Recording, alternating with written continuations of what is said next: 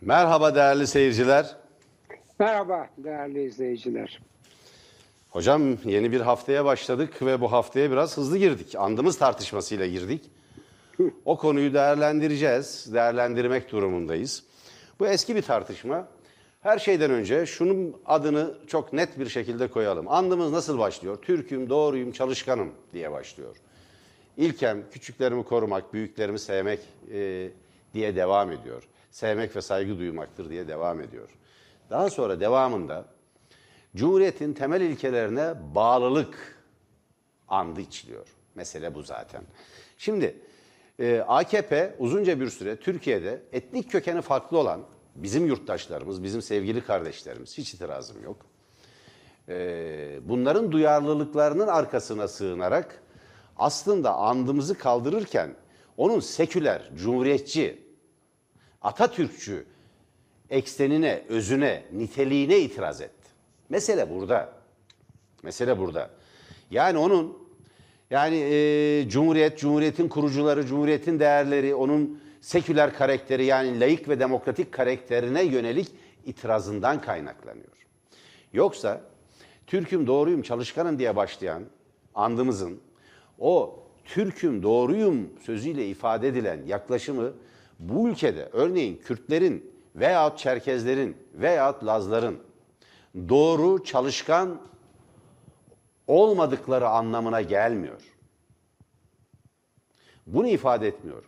Eğer dert bu olsaydı bu ülkede ki bana göre bütün yurttaşlarımızın duyarlılıklarını içerecek bir biçimde, kimseyi rahatsız etmeyecek bir biçimde bu ilk mısra, ilk giriş, ilk cümle pekala uygun bir biçimde düzenlenebilirdi de. Şimdi öyle sıkıştırılmış durumda ki hocam, bir tartışma yapıyorsun. Aa sen çünkü dert şu. Bir ilahiyle başlatmaktır eğitimi. Dini bir ritüelle başlatmaktır ve şöyle diyecekler. Ya siz dinimizden niye rahatsız oluyorsunuz? Şimdi AKP'ye kayıtsız şartsız destek veren ırkçı milliyetçiler ise siz bizim Türklüğümüzden mi rahatsız oluyorsunuz diye tartışıyorlar. Türkiye bu iki yaklaşımın arasına sıkıştırılmaya çalışılıyor. İşte buradan çıkmak lazım. Bir, ben bir Türk olarak söylüyorum. Anne ve baba tarafından Türk soyluyum. Bu özel bir avantaj, bir üstünlük sağlamaz. Ama bundan bir rahatsızlık duymuyorum. Memnunum da durumundan. Ama bu ülkede biliyorum ki bizim Kürt kardeşlerimiz var, Çerkez kardeşlerimiz var. Diğer etnik kökenlere sahip Ermeni yurttaşlarımız var, Rum yurttaşlarımız var ve bu çoğaltılabilir. Ama bu ülkenin hakim, baskın ulusu Türkler.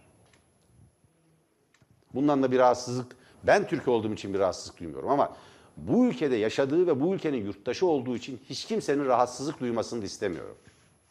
Dolayısıyla herkesin duyarlılıklarının bir biçimde içerilmesinden yanayım. Ama AKP'nin buradaki tuzağı önemlidir. Şimdi ben MHP'yi merak ediyorum. Efendim Devlet Bahçeli bugün bir yazılı açıklama yaptı hocam biliyorsunuz. Çok Evet. rahatsızmış. Pimi çekilmiş bir bombaymış bu durum. Yani ifade bu, kendi ifadesi. Ne diyor Sayın Devlet Bahçeli? Pimi çekilmiş bir bombadır bu karar. Danıştay çünkü AKP'nin daha önce kaldırma girişiminin ardından andımızı bu iş Danıştay'a kadar götürüldü. Valla Sayın Bahçeli o bomba patladı patladı. Sizin elinizde patladı o bomba. Farkında değilsiniz. Türkiye'de irtica bombası patlamış durumda. Önüne çıkan her şeyi tahrip etmeye çalışıyor. Ama gericilikle mücadele konusunda bugüne kadar tavizsiz bir e, tutum alan çevreler, insanlar, güçler, kurumlar, gazeteciler bunun tahribatından kendilerini korudular. Sizin gibi hem bir yandan Cumhuriyete bağlı olduğunu söyleyip laiklikte bir sorun olmadığını ilan edip ardından laiklik karşıtı faaliyetlerin odağı olmuş bir partiye kayıtsız şartsız destek verip onun rejimi değiştirmesini sağlayanların bugün söyleyebilecekleri hiçbir laf yoktur. Üstelik de bir ırkçı, milliyetçi duyarlılık üzerinde söyleyebileceği hiçbir laf yoktur. Dolayısıyla şunlar konuşulabilir. Ya her sabah çocuklar bunu söylemeli midir? Haftada bir gün söylense olur mu olmaz mı? Bunlar tamamen pedagogların, eğitimcilerin konuşabileceği ve çözebileceği teknik konular. Ama esas olarak AKP'nin andımızı kaldırma nedeni Kürt yurttaşlarımızın duyarlılıklarına gösterdikleri ilgiden kaynaklanmıyor. Bunun altını çizelim.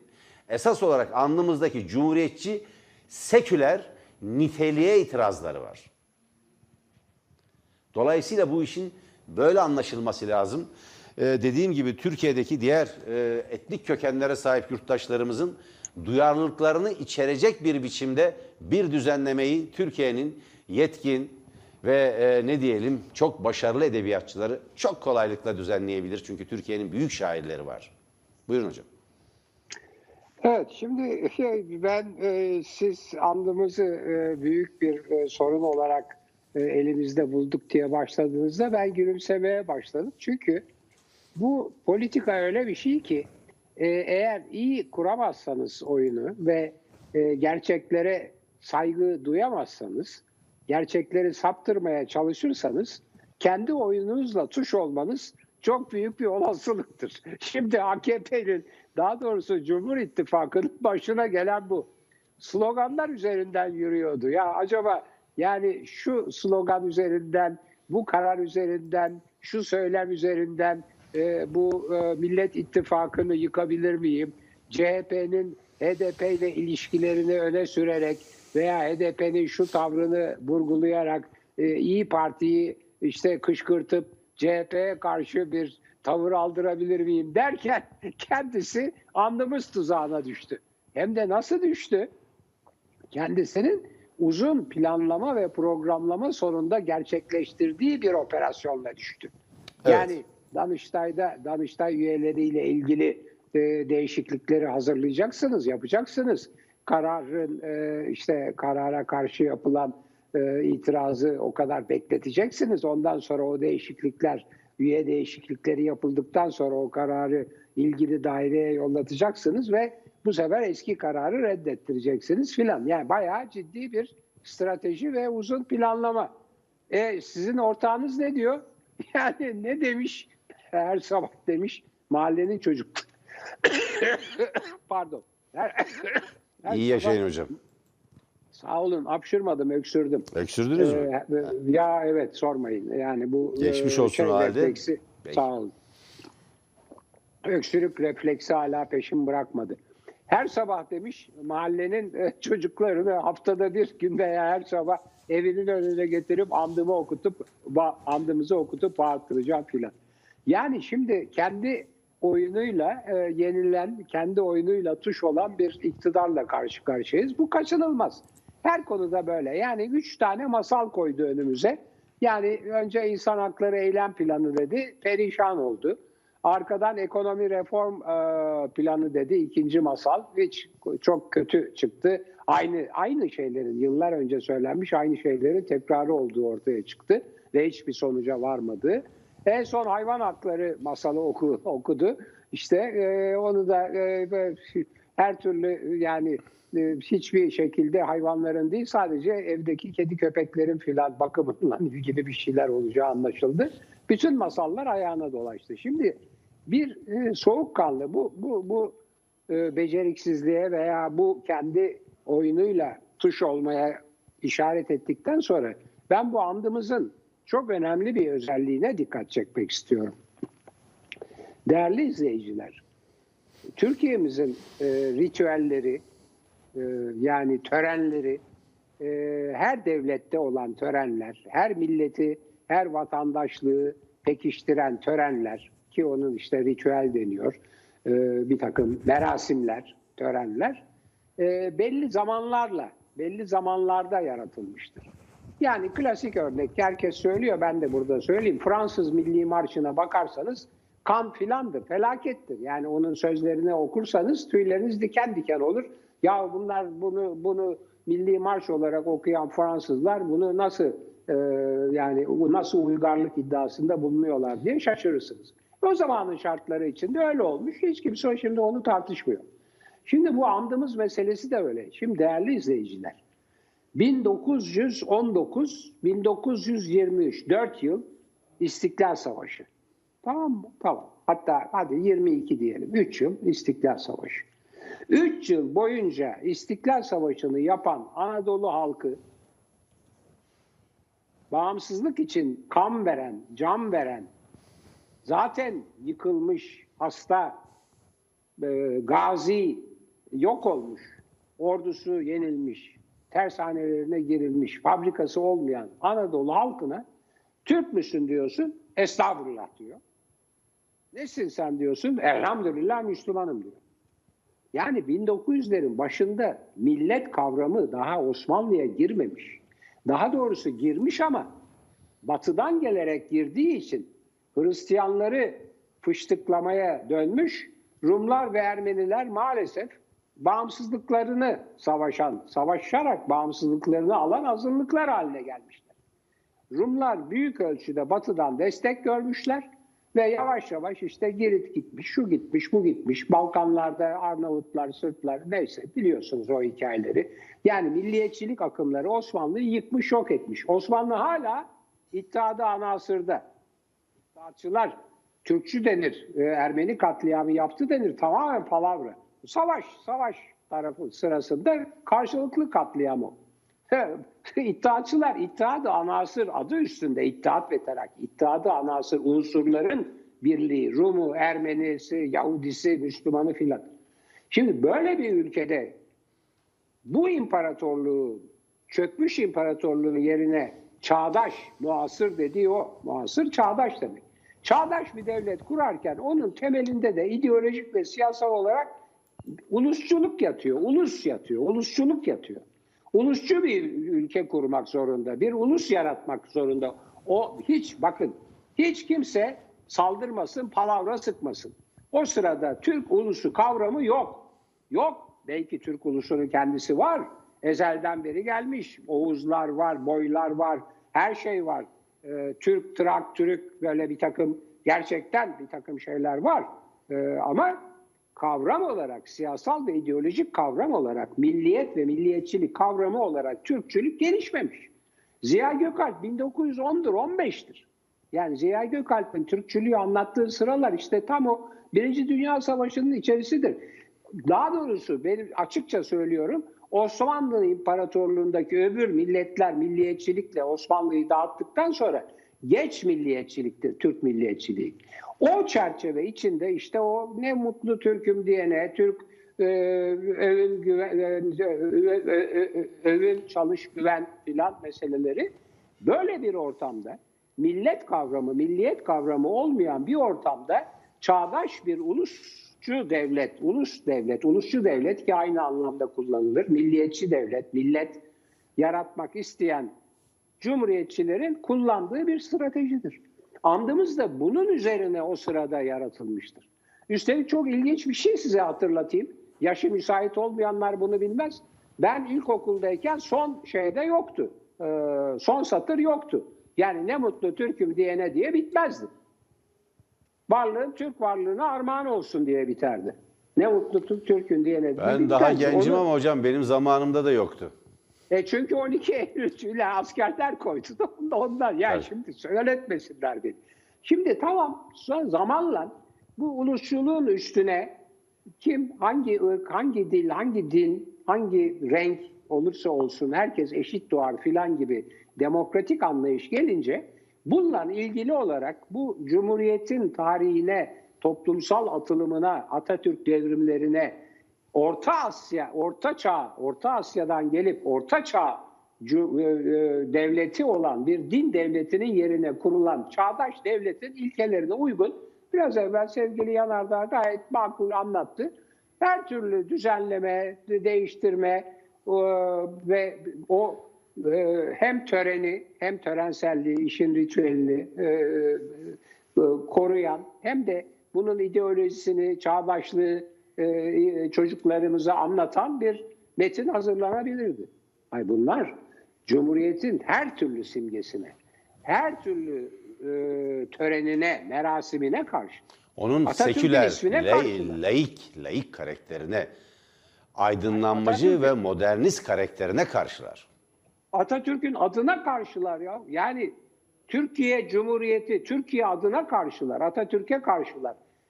TC'lerde, valiliklerin önünden, Ziraat Bankası'nın önünden Türkiye adını kaldırdılar. Yani bütün stadyumlarda Atatürk adını yok ediyorlar. Şimdi e, bu Atatürk Kültür Merkezi'ne de Atatürk Kültür Merkezi yapıyoruz dediler. E şimdi canım artık o eskidendi. Şimdi opera binası deriz geçeriz diyorlar.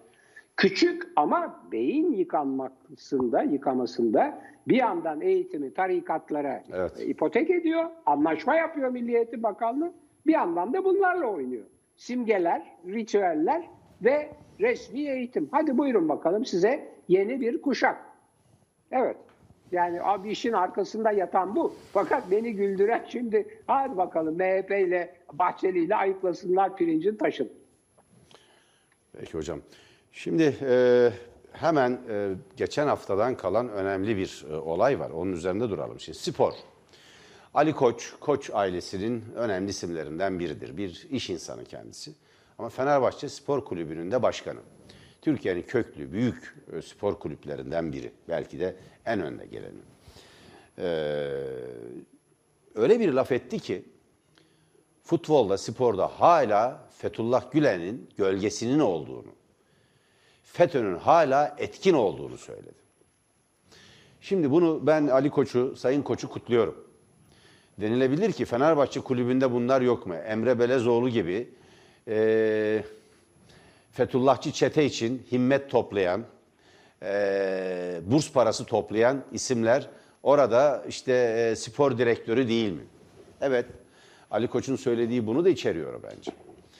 Türkiye'de Fethullahçı çeteyle anlamlı ve etkin bir biçimde mücadele edilmediğinin ne diyelim e, kanıtlarından biri de Sayın Ali Koç'un yaptığı bu konuşmadır. Bu uyarıdır. Türkiye'nin dokularına kadar işlemiş bir çeteden, bir İslamcı çeteden söz ediyoruz. Çünkü bunlar bir soğuk savaş gücüdür. Nereden gelir Fethullah Gülen? Erzurum'daki Erzurum'la Komünizmle Mücadele Derneği'nden. Kim kurdu Komünizmle Mücadele Derneği'ni 1956? Daha sonra 60'lı yıllarda etkin hale getirildi. Herkes 70'li yıllarda da olduğunu zanneder, değildir. Çünkü İslamcı hareket Amerikancı karakteri ve istihbarat örgütleriyle ilişkisi nedeniyle 70'li yıllarda etkisizdi, prestijsizdi, çökmüştü. Onun yerine MHP ve ülkücü hareketi ikame ettiler. Ama Komünizmle Mücadele Derneği'nin Erzurum örgütlenmesinden beri gelen o dönemden itibaren Türkiye'de kontrgerilla derin devlet tarafından korunan, kollanan, iktidara taşınan, yerleştirilen bir güçten söz ediyoruz. Bunu temizlemek 60'lar. kolay. Tabii 60'lar. 1960'lar çok önemli. Sizin şeyiniz Tabii. bitsin bir şey bir şey anlatacağım. Çok önemli. Evet 60'lar. O günlerden gelen bir bir bozulmadan söz ediyoruz. 28 Şubat'la bunu toparlamaya çalıştılar olmadı. Ben Bir Gün gazetesindeki yazılarımda bunu anlatmaya çalıştım. 28 ve burada 18 dakika programında da her yıl döneminde benzer bir şey söylüyoruz. Türkiye soğuk savaşını bitiremedi. Çünkü soğuk savaş güçleri iktidara geldi. Komünizmle Mücadele Derneklerinden yetişen Amerikan yetiştirmesi bir takım isimler AKP hükümetlerinde bakanlıklar yaptı. Adalet ve Kalkınma Partisi'nin kurucuları oldular. Abdullah Gül gibi Cumhurbaşkanı olanlar çıktı aralarından. Abdullah Gül, Komünizmle Mücadele Derneği'nin bir gençlik örgütü niteliği kazanan Milli Türk Talebe Birliği'nin yöneticilerinden biriydi. Böyle bir güçten söz ediyoruz. Ali Koç'un söylediği sözler önemli. AKP bir dönem 11 yıl iktidarı paylaştığı Fethullahçı çeteyle gerçek anlamda bir mücadele sürdürmüyor. Son derece açık bu. Bu bakımdan Ali Koç'un söylediklerine dikkat çekmek gerektiğini düşünüyorum. Ee, ve bunun önemli olduğu kanaatindeyim.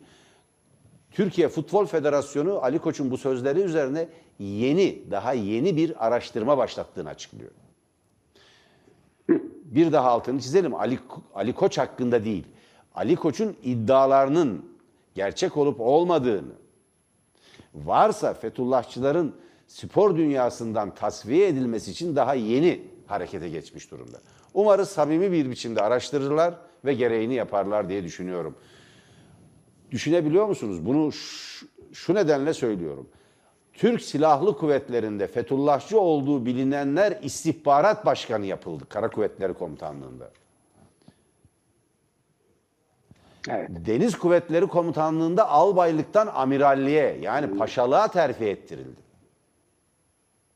İnsanların sicilinde en ufak bir en ufak bir e, işaret gördüğünüzde Örneğin işte öğrencilik yıllarında gözaltına alınmışsa hele o solcuysa hayatını karartıyorsunuz ya. Hayatını karartıyorsunuz. Kemalistse, cumhuriyetçiyse hayatını karartıyorsunuz. Evet. Mesele bu. Ee, o nedenle Fethullah Gülen çetesine karşı, Fethullah Gülen örgütüne karşı etkili bir mücadele ancak AKP'nin iktidardan düşürülmesiyle verilebilir. Bütün anketlerde bunu gösteriyor. Oraya bağlayıp size veriyorum hemen söz hocam. Son yapılan anketlerden biri. Değerli seyirciler, anketlerin büyük bir bölümü telefonla yapılıyor. İnsanlar kaydediliriz, fişleniriz diye telefonlarda gerçek tercihlerini söylemiyorlar. Ona rağmen AKP ve MHP koalisyonu yüzde 40'ın altında çıkıyor. Gerçek oran bunun çok daha altındadır. Bir Amerikan araştırma şirketi, hükümet şirketi değil bakın Amerika'daki herkes hükümet bağlantılı, CIA bağlantılı falan değildir. Üniversiteler, bir takım vakıflar filan da bu araştırmaları yaparlar. Rapor hazırlarlar ve bunu müşterilerine gönderirler. Yüz yüze yaptığı bir araştırmada, Aytun Çıray açıkladı. Yüz yüze yaptığı bir araştırmada ortaya çıkan sonuç şudur. AKP yüzde yirmilerde, MHP yüzde dört ila altı arasında. Cumhuriyet Halk Partisi'nin tek başına oyları AKP'yi geçmiş durumda. Yaklaşık yüzde otuz, yüzde otuzlara varmış durumda. En büyük sıçramayı gerçekleştirenlerden biri de İyi Parti. Yüzde on altı ile yirmi bandında. Bunlar çok önemli gelişmeler. O bakımdan Fethullah Gülen çetesine, Fethullah Gülen gericiliğine, bu Amerikancı terör örgütüne karşı etkili bir mücadele ancak onun bütün yol arkadaşlarının iktidardan gitmesiyle mümkündür. O nedenle 2023 seçimlerinden AKP iktidarı e, ne diyelim çok korkmaktadır. Şeytandan korkar gibi korkmaktadır. Sebebi budur. Gidiyorlar Evet. çünkü.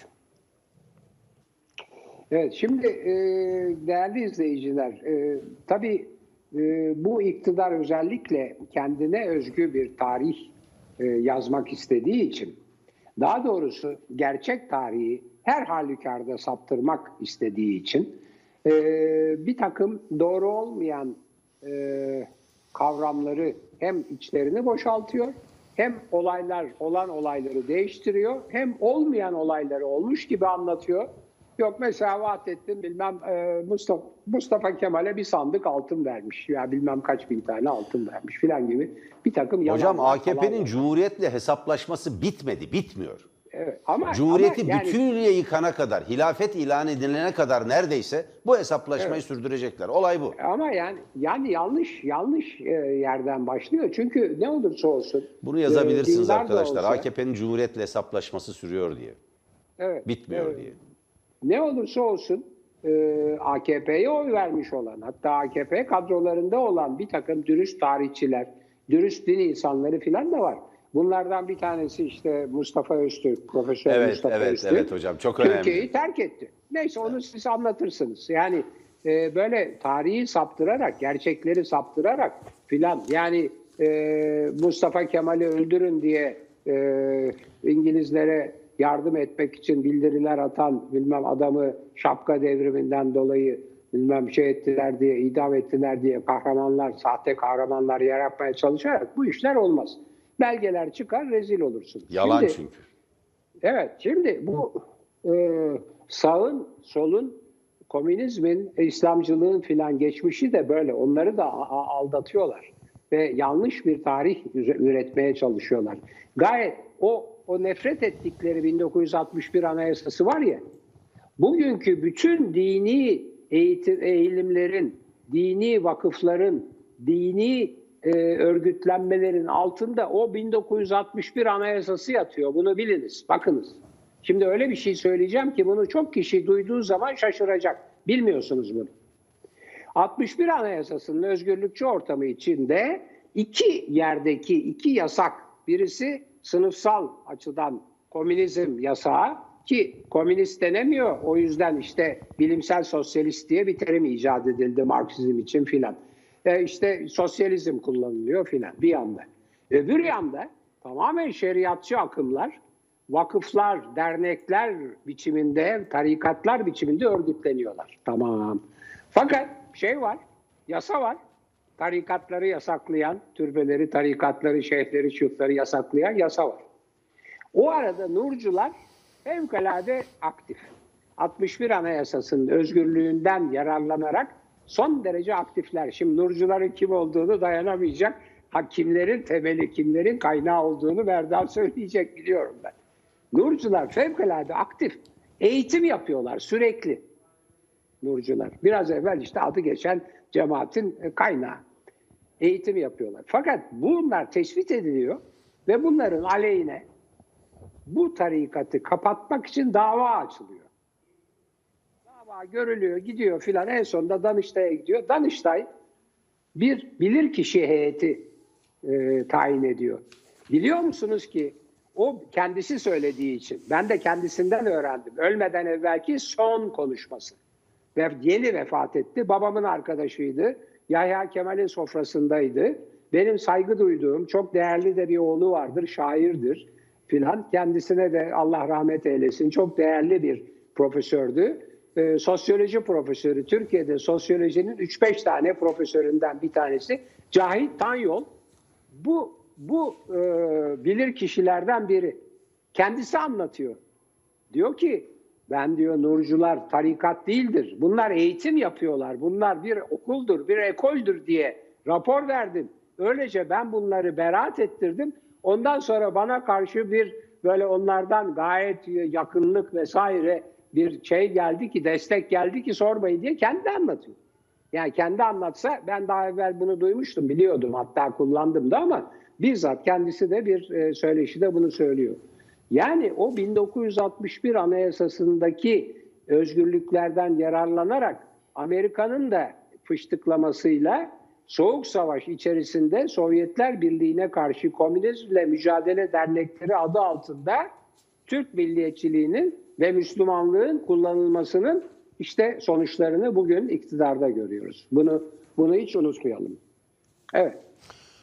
Hocam e, siz de söylediğiniz şimdi önemli gelişmelerden iki tane var. Bunun üzerinde duracağız ya da ben durmak isterim. Bir tanesi Suriye'ye yönelik emperyalist ve küresel gerici saldırının 10. yılı. Suriye bu hayasız saldırıyı durdurmuş vaziyette. Ve Suriye'de vatan savunmasını yürüten Suriye'nin yurtseverleri bu savaşı kazandılar. Çünkü Büyük Orta Doğu projesinin en önemli etaplarından biriydi. Irak'ı yıktılar, Irak'ı Orta Çağ'a iade ettiler. Irak mezhep savaşları içinde tam 4,5 milyon. Bakın sayı çok yüksek. İnsan önce inanamıyor. Tam 4,5 milyon insanı kaybetti. 4,5 milyon insan birbirini öldürdüler. Amerikan işgali sırasında işgale karşı savaşta ölen insan sayısı 270 bin. Geriye kalan yaklaşık 4 milyon insan birbirlerinin camilerini bombalayarak, pazar yerlerine bombalı e, kamyonlarla girerek, canlı bomba eylemleri, katliamları düzenleyerek birbirlerini öldürdüler. Çünkü mezhep savaşı bir orta çağ arızasıdır. Ve batılı oryantalistler yani bu doğu bilimciler diye tercüme edilebilir ya da doğu hakkında fikir sahibi olanlar e, denilebilir bunlara. Oryantalistler birer aptaldan ibarettir çünkü. Onlar oturdukları masalardan e, Orta Doğu'yu düzenlemeye çalışırlar. O yüzden haritalar bile cetvelle çizilmiş gibidir. Irak'ta seküler rejim beğenirsiniz beğenmezsiniz. Saddam Hüseyin'in bir diktatör olduğu son derece açıktır. Fakat bir özelliği vardır. Rejim, rejim dinci değil, seküler bir karaktere sahiptir ve Irak'ı bir arada tutan oydu. Bu rejim yıkılınca zannettiler ki bir dinci rejim gelince bu Amerikancı olacak. Fakat Orta Doğu'da Sünni İslam, Sünni İslam derken bütün Sünni yurttaşlarımızı tenzih ediyorum. Egemen Sünni İslam anlayışı yani Emevilik yani Arap yobazlığı Amerikancıdır, Amerikan yanlısıdır. Fakat diğerleri Amerikan yanlısı değildir. Nüfusun %65'inin Şii olduğunu bile hesaplayamadılar. Irak öyle bir noktaya geldi ki İran yanlısı bir çizgi izlemeye başladı. Amerikalıları da oradan gönderdiler. Suriye'de de benzer bir iş yapmaya çalıştılar. Irak'ta yapamadıklarını Suriye'de yaptılar. Nüfusun çoğunluğu Suriye'de Sünni olduğu için zannettiler ki bu mezhep savaşında 3 ay içinde Esad yönetimi yıkılacak. Fakat Esad yönetimi mezhepçi bir yönetim değil iddia edildiği gibi. Suriye'de de Aleviler iktidarda filan değil. Esas olarak Alevisiyle Sünnisiyle Suriye halkı Suriye iktidarının yanında. Irak olmak istemediler. Direndiler ve kazandılar. Bu çok önemli bir gelişmedir. 10 yıl içinde ölen insan sayısı 500 bin. Ülkeyi terk eden Suriyeli sayısı 8,5 milyon. Bu 8,5 milyon Suriyelinin yaklaşık Suriyelinin yaklaşık 4 4,5 milyonu ise Türkiye'de. Ve ayın sonunu zor getiren büyük çoğunluğu geniş bir yoksul nüfusa sahip Türkiye Suriye'den gelen bu mültecilerin ihtiyaçlarını karşılamaya, onları yedirmeye, içirmeye, barındırmaya çalışıyor. Bunu sağlayamadığı için ister istemez bir yeraltı ekonomisi, mafyalaşmış bir kara ekonomi oluşuyor. Bu ise suç demektir. Cinayet demektir, hırsızlık demektir, gasp demektir, suç demektir. Kaçınılmazdır bu. Çünkü en güçlü insan içgüdüsü yaşama içgüdüsüdür. Bunu yaratacaklar. Durum şudur. AKP iktidarı emperyalistlerin bölgedeki bütün kirli işlerini çözmeye soyunarak iktidarda kaldı ve iktidar ömrünü uzattı. Bunlardan bir tanesi de Suriye'dir. Büyük Orta Doğu Projesi'nin bir etabı olarak Tunus'tan başladılar. Akdeniz kıyısındaki bütün Arap ülkelerindeki laik rejimleri ya da yarı, laik rejimleri yıkmaya çalıştılar. En sonunda geldiler. Büyük Orta Doğu Projesi'nin en son etabı olan Suriye'ye. Ve Suriye'de Büyük Orta Doğu Projesi çöktü. Çökmekle de kalmadı. Radikaliyle, ılımlısıyla siyasal İslam'ın iflas ettiği son durak oldu orası. Çünkü IŞİD gibi bir canavarı yarattılar orada. Neden böyle oldu peki? Niye bu vekalet savaşına su Türkiye e, AKP hükümet üzerinden sokulmak istendi? Çünkü Türkiye'de ihvancı bir iktidar vardı. İhvancı bir dış politikanın da iflası demektir Suriye. Mısır'a büyükelçi göndermelerinin tek nedeni budur. Çünkü bu siyaset iflas etti. Niye hani Mısır, Mısır'da darbeciler vardı? Cumhuriyet Halk Partisi bir heyet gönderdi diye Cumhuriyet Halk Partisi'ni e, darbeci ilan edenler bugün büyükelçi gönderiyorlar Mısır'a. İlişkilerini düzeltmeye çalışıyorlar. Doğru yapıyorlar. Mısır'a gitmek durumdaydı. Çünkü Mısır'daki klasik bir darbe değildi. İktidara gelip %19 oyla seçim yaptırmak istemeyen bir Müslüman kardeşler yönetimini Mısır halkı istemedi. Yöntemi tartışılabilir. Yöntemi ben de onaylıyor değilim. Ama 33 milyon insanın imza toplayıp Mısır'da seçim istemesi ki Mısır Anayasası'na göre seçime gitmek zorundaydı. Seçim istemesi karşısında Mursi 500 yıl iktidardayız dedi. Olay budur. Tahrir meydanında toplanan 3,5 milyon insan aylarca direndiler orada. Mesele budur orada. Şimdi bütün bu politikalar iflas etti ve 10. yılında ne oldu ben merak ediyorum. Esad yerinde duruyor. Baas rejimi yerinde duruyor. Suriye'deki vatan savunması yapan Suriye halkı savaşı kazanmış durumda. Ama bizim 4,5 milyon mültecimiz var. Ekonomi çökmüş durumda Türkiye ekonomisi. Büyük bir kriz yaşanıyor. Ve birçok aile parçalanmış bir sefalet, bir rezalet var. Mısır'dan e, vazgeçtim. Yani Suriye'den gelen insanların yani kızları, eşleri fuhuş piyasasında malzeme oldular. Nesnesi haline geldiler. Evet. Yazıktır, günahtır. Ve bu savaş Suriye halkının zaferiyle sonuçlandı. Ben Suriye'de vatan savunması yapanları kutluyorum.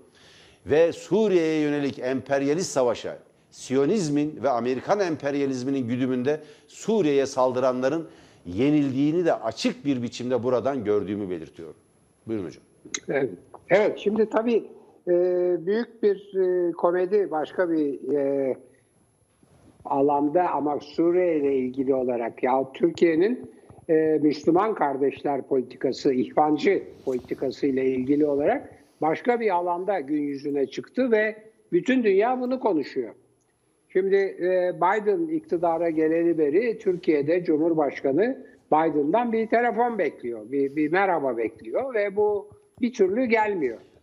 Bugün Bloomberg'de yayınlanan bir makalede Türkiye Cumhurbaşkanı Suriye politikasında e, Amerika ile birlikte bir çözüme gitmenin mantıklı bir arayış olabileceğine ilişkin ifadeleriyle bir bildiri yolladı. Yani Evet, Bloomberg ilginç- üzerinden bir mektup yazdılar Biden'a.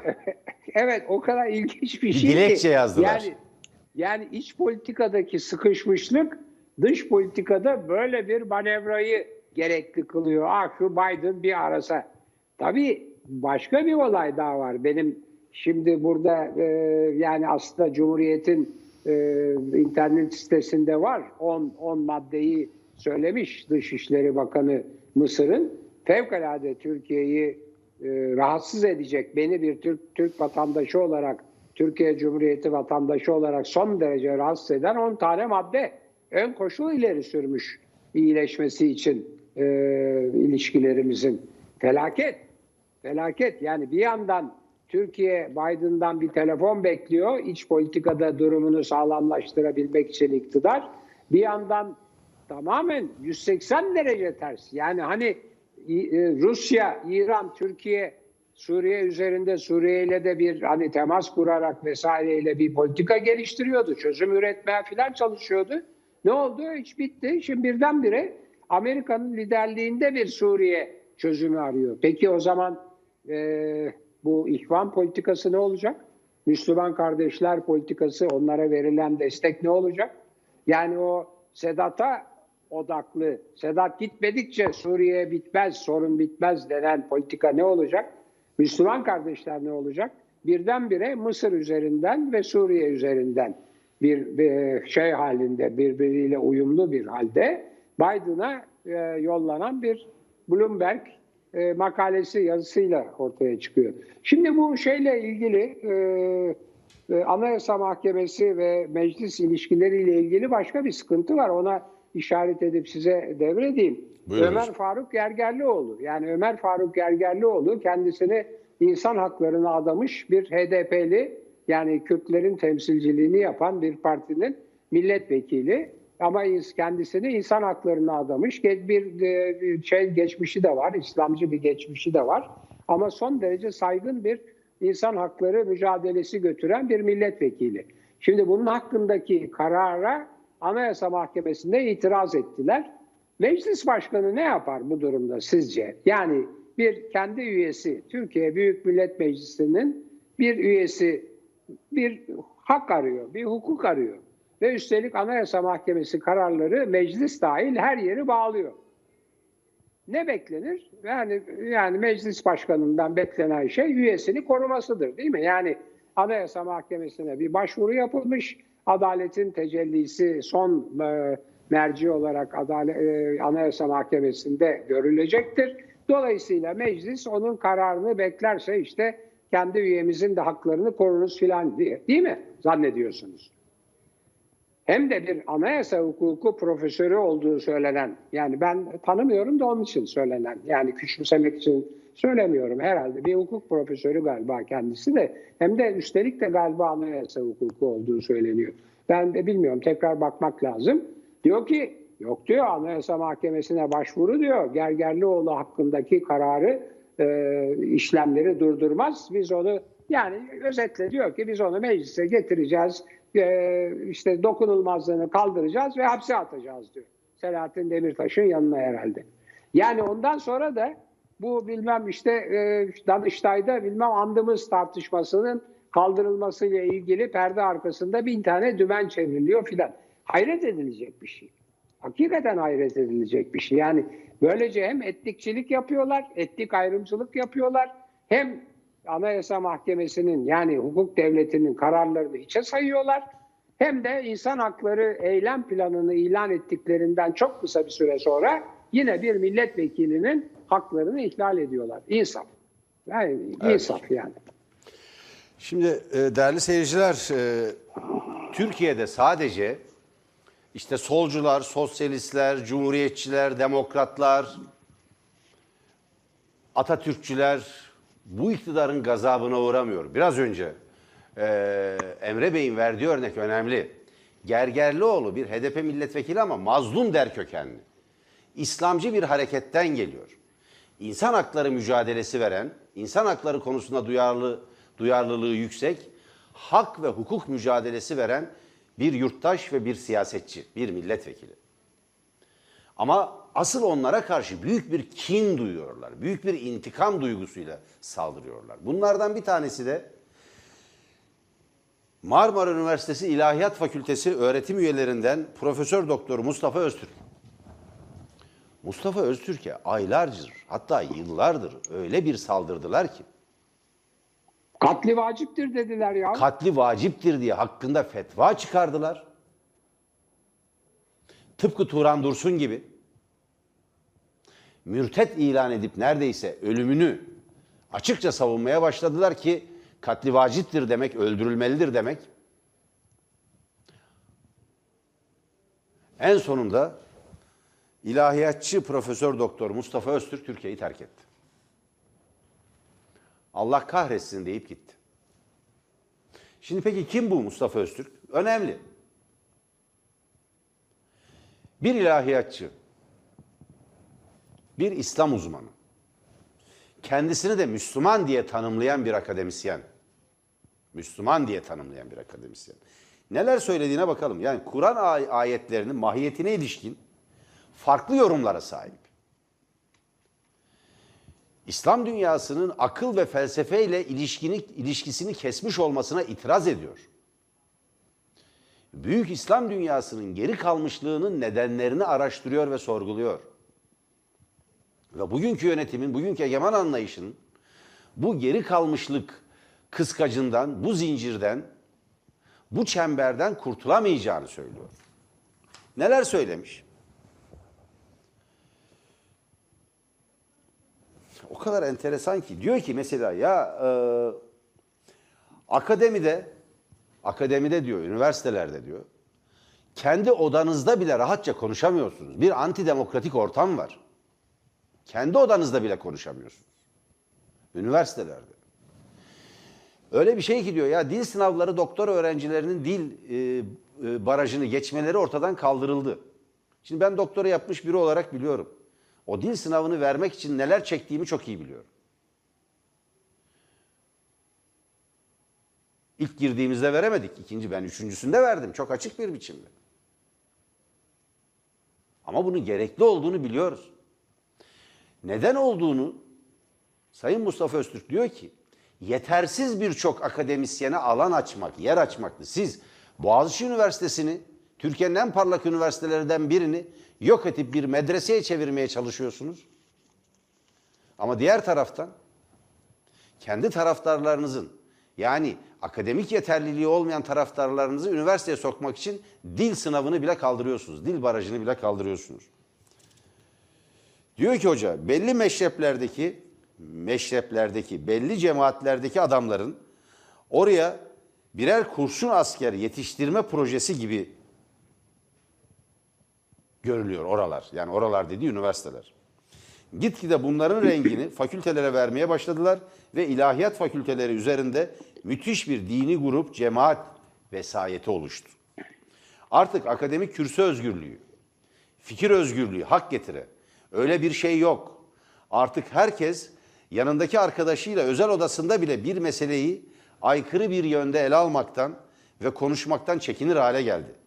Acaba kim bizi bir yerlere ihbar eder jurnaller diye diyor. Şimdi Mustafa Öztürk tabii bir parça bir parça kendi ektiğini de biçen insanlar bunlar. Kınamıyor ama 28 Şubat döneminde inananlara, dindarlara baskı var diye mücadele edenlerden biridir. Mustafa Öztürk böyle bir geçmişe sahip. Gider, giderken ne demiş? O, o da var mı notlarımızda? Giderken doktora öğrencilerimi demiş, cübbeliyle demiş, o tavsizciye demiş. Evet. Var hocam ediyorum. notlarımda. Ha, onu, onu söyleyin. Danışmanlığını yaptığım, danışmanlığını yaptığım doktora öğrencilerine ki tez danışmanlığı yapılır. Yani bir tane baş danışman vardır. O onunla birlikte jüri kurulur daha sonra. Tezi yönetir. Yani getirirsiniz, tezinizi savunursunuz. Savunma aşama, tez denetim aşamaları vardır. Ee, bir üç hocadan oluşur en az, üç kişiden oluşur. Bunun da başında sizin danışmanınız vardır. Bunların hepsini Cübbeli Ahmet Hoca'yla o Sakarya Üniversitesi'ndeki tacizci, İlahiyat Fakültesi'ndeki tacizci hocaya, hocaya devrediyorum diyor. Bunlar çok anlamlı. Evet hocam. Herhalde e, biraz uzattık. E, program bizden sonraki programı anonslayıp bitirelim. Ne dersiniz? Tabii tabii. tabii. Yarın Değerli seyirciler, buradayız. Değerli seyirciler, e, bizden sonra anında manşet programı var. Tuncay Molla Veysoğlu'nun önemli konukları var. Gazeteci İsmail Saymaz, gazeteci dostumuz İsmail Saymaz e, konuğu gündemdeki konuları tartışacaklar. İyi Parti'nin meclis grup başkanı İsmail Tatlıoğlu, Cumhuriyet Halk Parti İzmir Milletvekili Murat Bakan ve Ankara Milletvekili Gamze Taşçıer. Tuncay Molla Veysoğlu'nun Tele 1'de bu akşam konuğu. Saat tam 21'de anında manşet programında kaçırmayın. Hoşçakalın. Yarın görüşmek üzere bekliyoruz değerli izleyiciler. Hoşçakalın.